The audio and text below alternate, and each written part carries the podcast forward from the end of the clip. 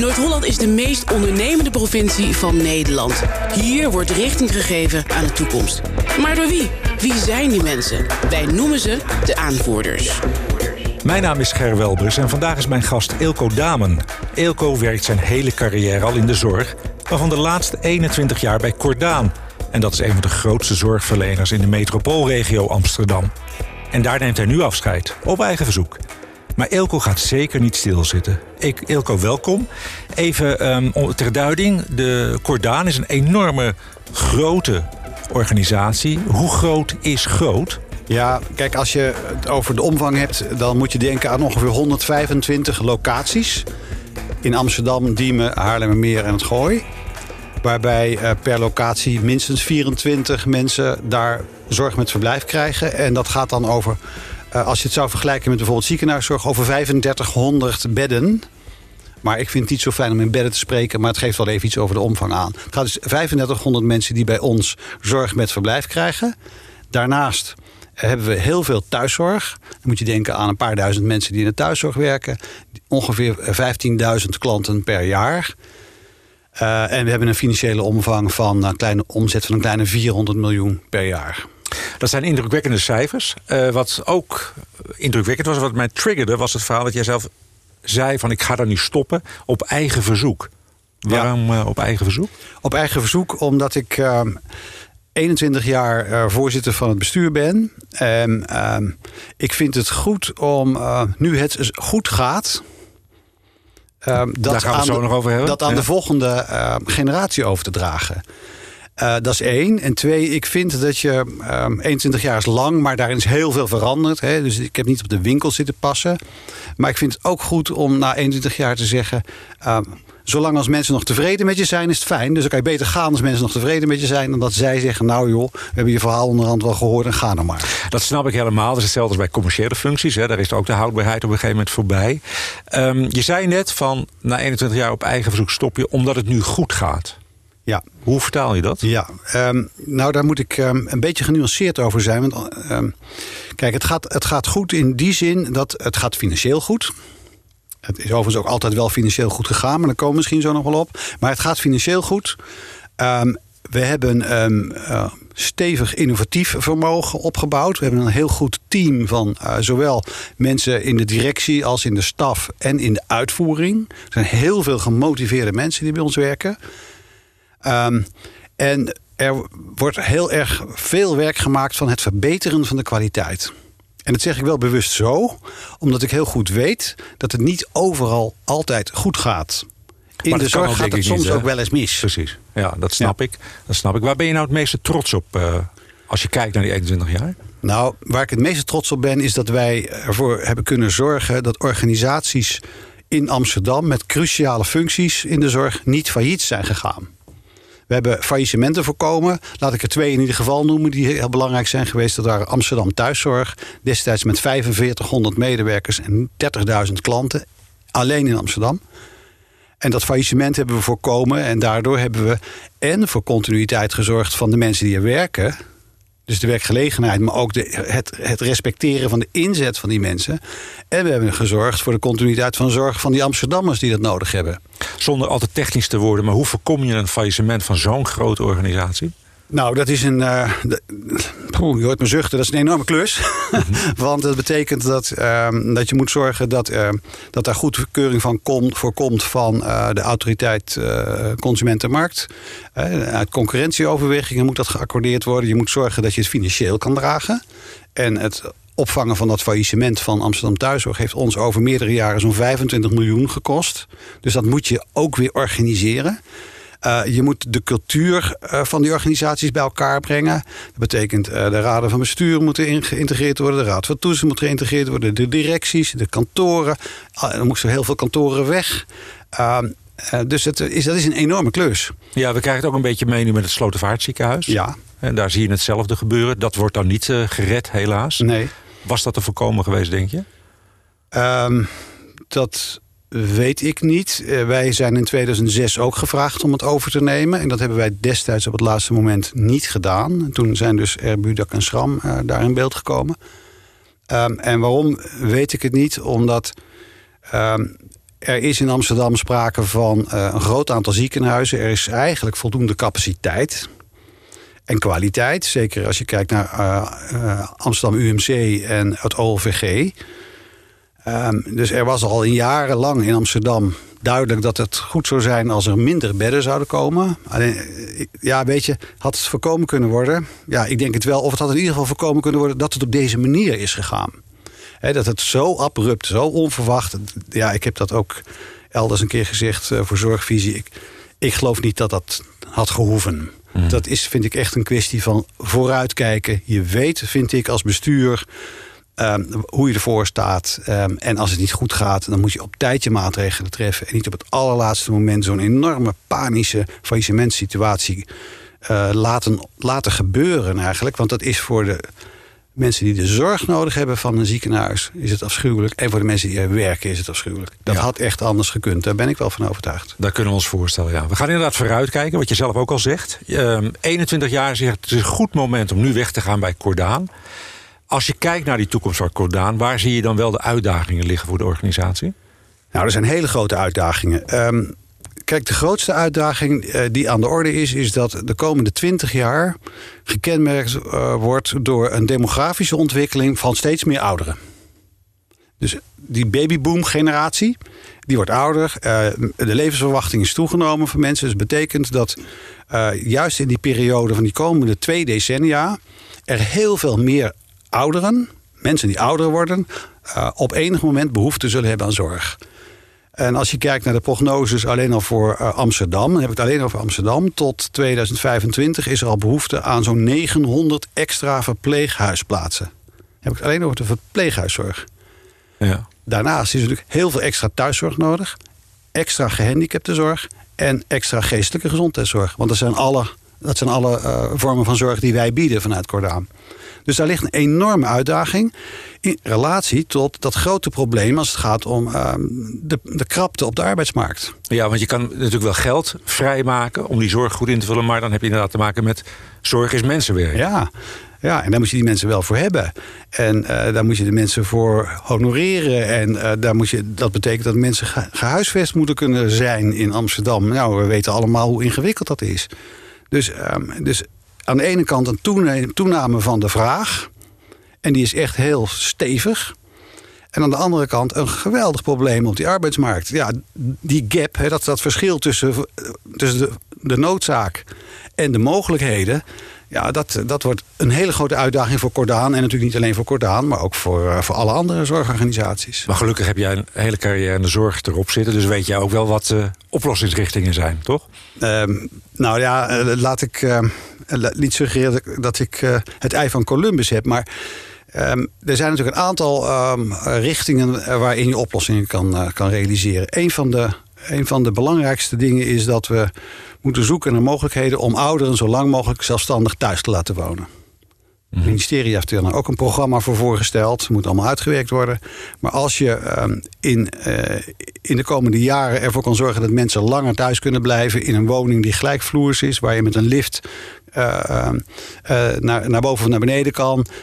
dus al het gevaar van trappenhuizen en zo uitsluit. valrisico's. Maar ook in die omgeving mogelijkheden biedt om gebruik te maken van faciliteiten. Zoals thuiszorg, dagbesteding, maaltijdvoorzieningen. dan dan neem je die druk op de zorg weg. Dus ja, ik zeg altijd maar, uh, de zorg kan het probleem niet alleen oplossen. Daar is veel meer voor nodig. we werken ook aan een voorstel nu om in Amsterdam een coalitie voor langer thuis te maken. Met heel veel partijen. Dus ook met woningbouwcorporaties, met beleggers, met culturele organisaties, met de gemeente. Um, dat is één. Zitten er ook bijvoorbeeld partijen bij als Philips... die, die ja. innovatief bezig zijn met zorgconcepten? Ja, technologische voorzieningen zijn uh, heel erg belangrijk. Want uh, als, als je het mogelijk maakt dat mensen thuis blijven, maar dat je wel um, kan signaleren met moderne technologie hoe hun lifestyle zich ontwikkelt. Hè? Gaat het, hoe ontwikkelt het zich met iemand? Gaat hij langzamer bewegen? komt hij, maar ook komt hij bijvoorbeeld wel op tijd uit de badkamer? gaat de koelkast wel genoeg open en dicht en zo? Dan kan je, um, dan kan je daarmee op tijd signaleren dat er zorg nodig is. Maar ook niet eerder dan nodig. Hè? Dus dan voorkom je ook overbodige of te vroeg uh, aangeboden zorg. Maar voorkom je ook dat het te laat wordt en er een crisis ontstaat. Dus technologische voorzieningen zijn erg belangrijk. Ook voor de ziekenhuizen. Omdat mensen korter, worden, uh, uh, korter verblijven in het ziekenhuis. Een behandeling en zo snel mogelijk naar huis. Dan gaat het over monitoring thuis. Maar ja, die monitoring, dat vraagt natuurlijk technologische voorzieningen. En iemand in die wijk die als het misgaat wel even kan komen kijken. Dus die samenhang tussen die ziekenhuiszorg en bijvoorbeeld die thuiszorg is ook een hele belangrijke. Nou, daar werken we aan met het OLVG. Um, dat heet dan heel deftig de virtual ward. Maar dat betekent eigenlijk een soort technologische voorziening thuis die in de gaten houdt hoe het met jou gaat. Ook na, na een ziekenhuisbehandeling. Um, en we werken met, uh, met het Amsterdam UMC samen aan een wijkkliniek. Waar mensen kortdurend kunnen worden opgenomen. Dat is in Zuidoost. Kortdurend kunnen worden opgenomen. Uh, als ze even nog niet naar huis kunnen. Maar wel zo snel mogelijk van het ziekenhuis terug. Nou, dat zijn een paar voorbeelden. Um, belangrijkste is en blijft natuurlijk oplossingen te vinden voor het personeelsvraagstuk. En daar is in deze stad natuurlijk iets anders aan de hand dan uh, ja, grote delen van Nederland. Uh, als je zorgpersoneel in deze stad wilt hebben en houden, dan moet je er wel voor zorgen dat ze kunnen wonen. Waar zie je daar de oplossingen? Ja, die oplossing kan niet door de zorg worden gerealiseerd. Ik denk dat het belangrijk is om dat te zeggen. Uh, dat maakt soms natuurlijk ook uh, de zorg enigszins machteloos als het gaat om dat vraagstuk. Dat vraagstuk moet komen, of die oplossing moet komen van gemeentelijk beleid met betrekking tot wonen. Uh, voorrangsregelingen voor zorgpersoneel, voor politie, voor onderwijspersoneel. Nou, we kennen de verhalen. Maar dat moet natuurlijk ook wel echt gerealiseerd worden. En daarin zou je. Waar zou praat je over een aantal? Is er enig idee van? Nou ja, we hebben op dit moment al uh, in Amsterdam, denk ik, zo'n uh, zo'n 1500 uh, mensen tekort in de zorg. En dan gaat het vooral over verpleegkundigen. Um, maar wat vervolgens van belang is, is dat um, je moet samenwerken met, met onderwijs. Dus als je bijvoorbeeld met ROC en HBO-opleidingen in de zorg samenwerkt en mensen al in de praktijk laat uh, werken en leren tegelijk, dan heb je een deel van je oplossing van je personeelsvraagstuk. Maar daarna moeten ze natuurlijk ook behouden worden. En zeker in die fase waarin veel mensen, uh, zeg maar, tussen, laten we even zeggen, tussen de 25 en de 45 in een fase komen van relatievorming, van kinderen krijgen, uh, dan moet er ook woonruimte voor die uh, fase van het leven beschikbaar zijn. En dat is natuurlijk heel lastig in de stad. Dus dat is echt wel een serieus onderwerp waar, waar, waar natuurlijk met name de wethouder die verantwoordelijk is voor wonen en de corporaties en de beleggers een belangrijke rol vervullen. Kan je je ook voorstellen dat er een deel van de zorg ook naar buiten de stad gaat? Omdat je dan kan zeggen, dan kunnen we in ieder geval zorgen dat er voldoende verpleegkundigen in de buurt zijn? Nou, um, dat hebben wij ons ook dat hebben we wel eens gedacht. Maar het blijkt dat in de ons omliggende gemeente dat probleem van personeel nog veel groter is. Wat overigens een groot risico is voor Amsterdam. Want als in Zaanstreek Waterland en Amsterdam en de Meerlanden en nog een paar uh, uh, gebieden rondom Amsterdam nog minder personeel beschikbaar is, maar wel meer woonruimte, dan betekent dat dat mensen ervoor zullen kiezen om te gaan werken in Purmerend, in, uh, in Haarlem, uh, in Almere, um, in de Haarlemmermeer, in Hilversum. En niet in Amsterdam. Dus dan wordt het probleem voor Amsterdam alleen nog maar groter. Nou, is het personeelsprobleem is dus echt heel erg groot. Uh, je zegt innovatie is ook heel erg nodig in de, in de zorgsector. Waar geloof je het meest in dat dit personeelstekort kan gaan beheersen. Of dat je harder moet gaan met innovatie in de zorg. Nou ja, kijk, innovatie is natuurlijk een heel breed begrip. Maar ik vind dat uh, je moet echt en-en doen. Je moet heel veel investeren, en dat doen we nog veel te weinig... in die technologische uh, voorzieningen, die technologische vernieuwingen. Uh, maar je moet ook investeren in personeel. Niet alleen in dat wonen, maar ook in... Uh, zorg dat mensen dan in ieder geval ook betaald worden op het niveau... waardoor ze hier kunnen wonen. Hè? Dus kijk naar die arbeidsvoorwaarden. Kijk ook naar dat het uh, maakt dat, uh, dat werk ook weer geeft er de waardering voor, ook maatschappelijk, die het verdient. Het is prachtig werk. Mensen werken zich echt drie slagen in de ronde. Uh, uh, en, en vervolgens, ja, als dan die, die, die honorering daar niet mee, mee in evenwicht is, dan gaan mensen die sector uit. Als er alleen maar negatief gesproken wordt over die sector, gaan mensen die, ja, wie gaat er nou in de, in de zorg werken als er alleen maar negatief over gesproken wordt? Ja. He, dus het is ook een kwestie van beeldvorming, het is een kwestie van honorering je moet er eigenlijk bijna een soort offensief in, uh, in organiseren met elkaar. Ja. En dan moet ieder ook de eigen verantwoordelijkheid nemen. Ja, dus dat is een stuk innovatie, is een stuk uh, opleiding, een stuk uh, financiering, maar het is ook een stuk beeldvorming. Ja, zeker. Dat zijn eigenlijk de kern. Zeker. Je, je praat er heel bevlogen nog over. Nu stop je bij Cordaan. Um, nou hou je natuurlijk zeeën van tijd over. Je gaat uh, toch wel actief blijven, denk ik. Wat ga je doen? Uh, nou, ik weet het nog niet precies. Maar ik wil heel graag actief blijven op dat snijvlak van zorg en, en, en kennisontwikkeling, zorg en wetenschap. En, uh, en zorg en wonen. Hè. Dus eigenlijk de onderwerpen waar we het net over hebben gehad. Zowel wonen voor ouderen en, en mensen met beperkingen. als uh, wonen voor personeel. Dus op dat hele snijvlak wil ik graag actief worden. als ik afscheid heb genomen van Cordaan. Dat is een mooi politiek antwoord. En wat ga je dan precies doen, Elko? Je er al iets over zeggen? Nou, ik, ik ben voorzitter van het Ben Sayed Centrum. Um, dat is een samenwerkingsverband van 13 organisaties in Amsterdam Waaronder de beide universiteiten, de academische medische centra, grote zorginstellingen, um, de gemeente Amsterdam, um, de, het ROC van Amsterdam, de, de beide hogescholen. Om die samenwerking verder vorm te geven tussen kennisontwikkeling, dus onderzoek, opleiding en praktijk. Uh, nou, ik ben serieus in gesprek uh, om daar uh, een vervolg aan te geven en dat centrum verder te gaan uitbouwen. Welke uitdagingen zie je daar? Want dat is ook een agenda die jou raakt, hè? zie ik. Ja, ja dat is een. Ja, kijk, wat, wat van belang is, die onderwerpen waar wij het over hebben, daar zou je eigenlijk veel meer onderzoek moeten doen. Naar op wat voor manier kan je nou die praktijk verbeteren? Of kan je die technologische voorzieningen organiseren? Of kan je dat die thuiszorg verbeteren? Daar moet je onderzoek naar doen. En die inzichten die daaruit voortkomen, die moeten en in de opleidingen worden vertaald. Want anders komen mensen van zorgopleiding met verouderde kennis die praktijk binnen. En andersom moet vanuit die praktijk moet natuurlijk ook die, die, die vragen geformuleerd worden. Wat hebben wij nou echt nodig in de komende jaren? Nou, dat is, dat is geen gebruik. En zeker niet in de ouderenzorg en de gehandicaptenzorg. In de ziekenhuiszorg is dat gewoon. Daar heb je de Universitair Medische Centra, hè, nu het uh, Amsterdam UMC. Daar is samenhang tussen onderzoek, onderzoeken, opleiden en, en zorgpraktijk is daar eigenlijk heel gewoon. En dat is in de ouderenzorg is dat helemaal niet gewoon. In de gehandicaptenzorg is dat niet gewoon. Ik zeg wel eens, je zou eigenlijk moeten willen dat die zorg ook academiseert. Dat die ook meer gebaseerd wordt op, op wetenschappelijke inzichten. Dat die dan ook naar de praktijk worden vertaald.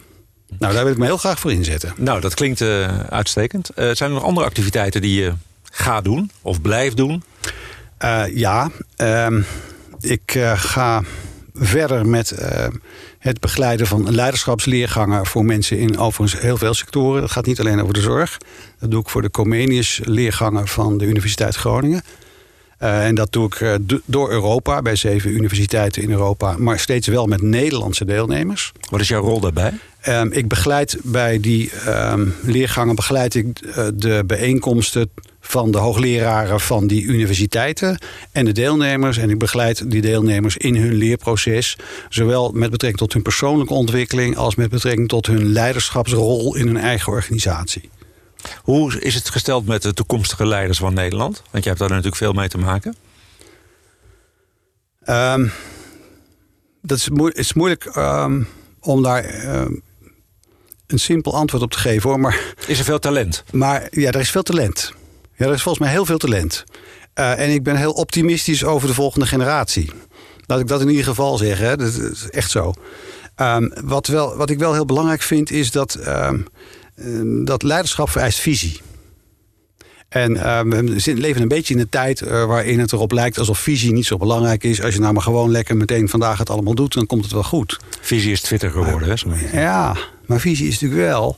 Je moet wel uh, snappen wat er over tien jaar moet zijn. Zeker als je op lange termijn uh, processen moet sturen als leider. Hey, laat ik even het hebben bijvoorbeeld over huisvestingsprocessen. Ik, nou, ik heb heel veel gedaan in die huisvesting in de zorg. Ja, als ik vandaag iets bedenk, dan staat het er op zijn vroegst over vijf jaar. En een aantal jaar geleden was het zelfs zo dat het over tien jaar pas stond. Als je dan kijkt wat voor uitdagingen er zijn, in allerlei opzichten, dan betekent dat een lange termijnvisie nodig is. Of het nou gaat over zorg, of over klimaat, of over uh, um, um, bevolkingsontwikkeling, of over diversiteit. Laten we, eens, laten eens een onderwerp noemen. He, diversiteit van de stad bijvoorbeeld. Het is zo'n belangrijk thema.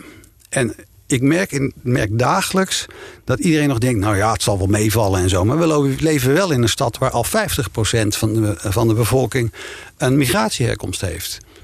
Wat betekent dat? Hoe geef je leiding aan dat? Uh, hoe geven leiders leiding aan dat hele proces van, van, van globalisering, van, van, van grotere diversiteit? En daar kan je van alles van vinden. Je kan het goed of niet goed vinden, maar dat is eigenlijk de vraag niet. De vraag is hoe geef je leiding aan die ontwikkeling van de wereld. Ook in je eigen organisatie, in samenhang tot wat er om je heen gebeurt. Uh, zodanig dat je met elkaar de goede kant op werkt. Nou Elke, dat is een prachtig slot van deze podcast. Heel erg hartelijk bedankt voor je komst en ik hoop je graag eh, binnenkort weer te spreken. Tot ziens. Dit was De Aanvoerders, een podcastserie van NH Media.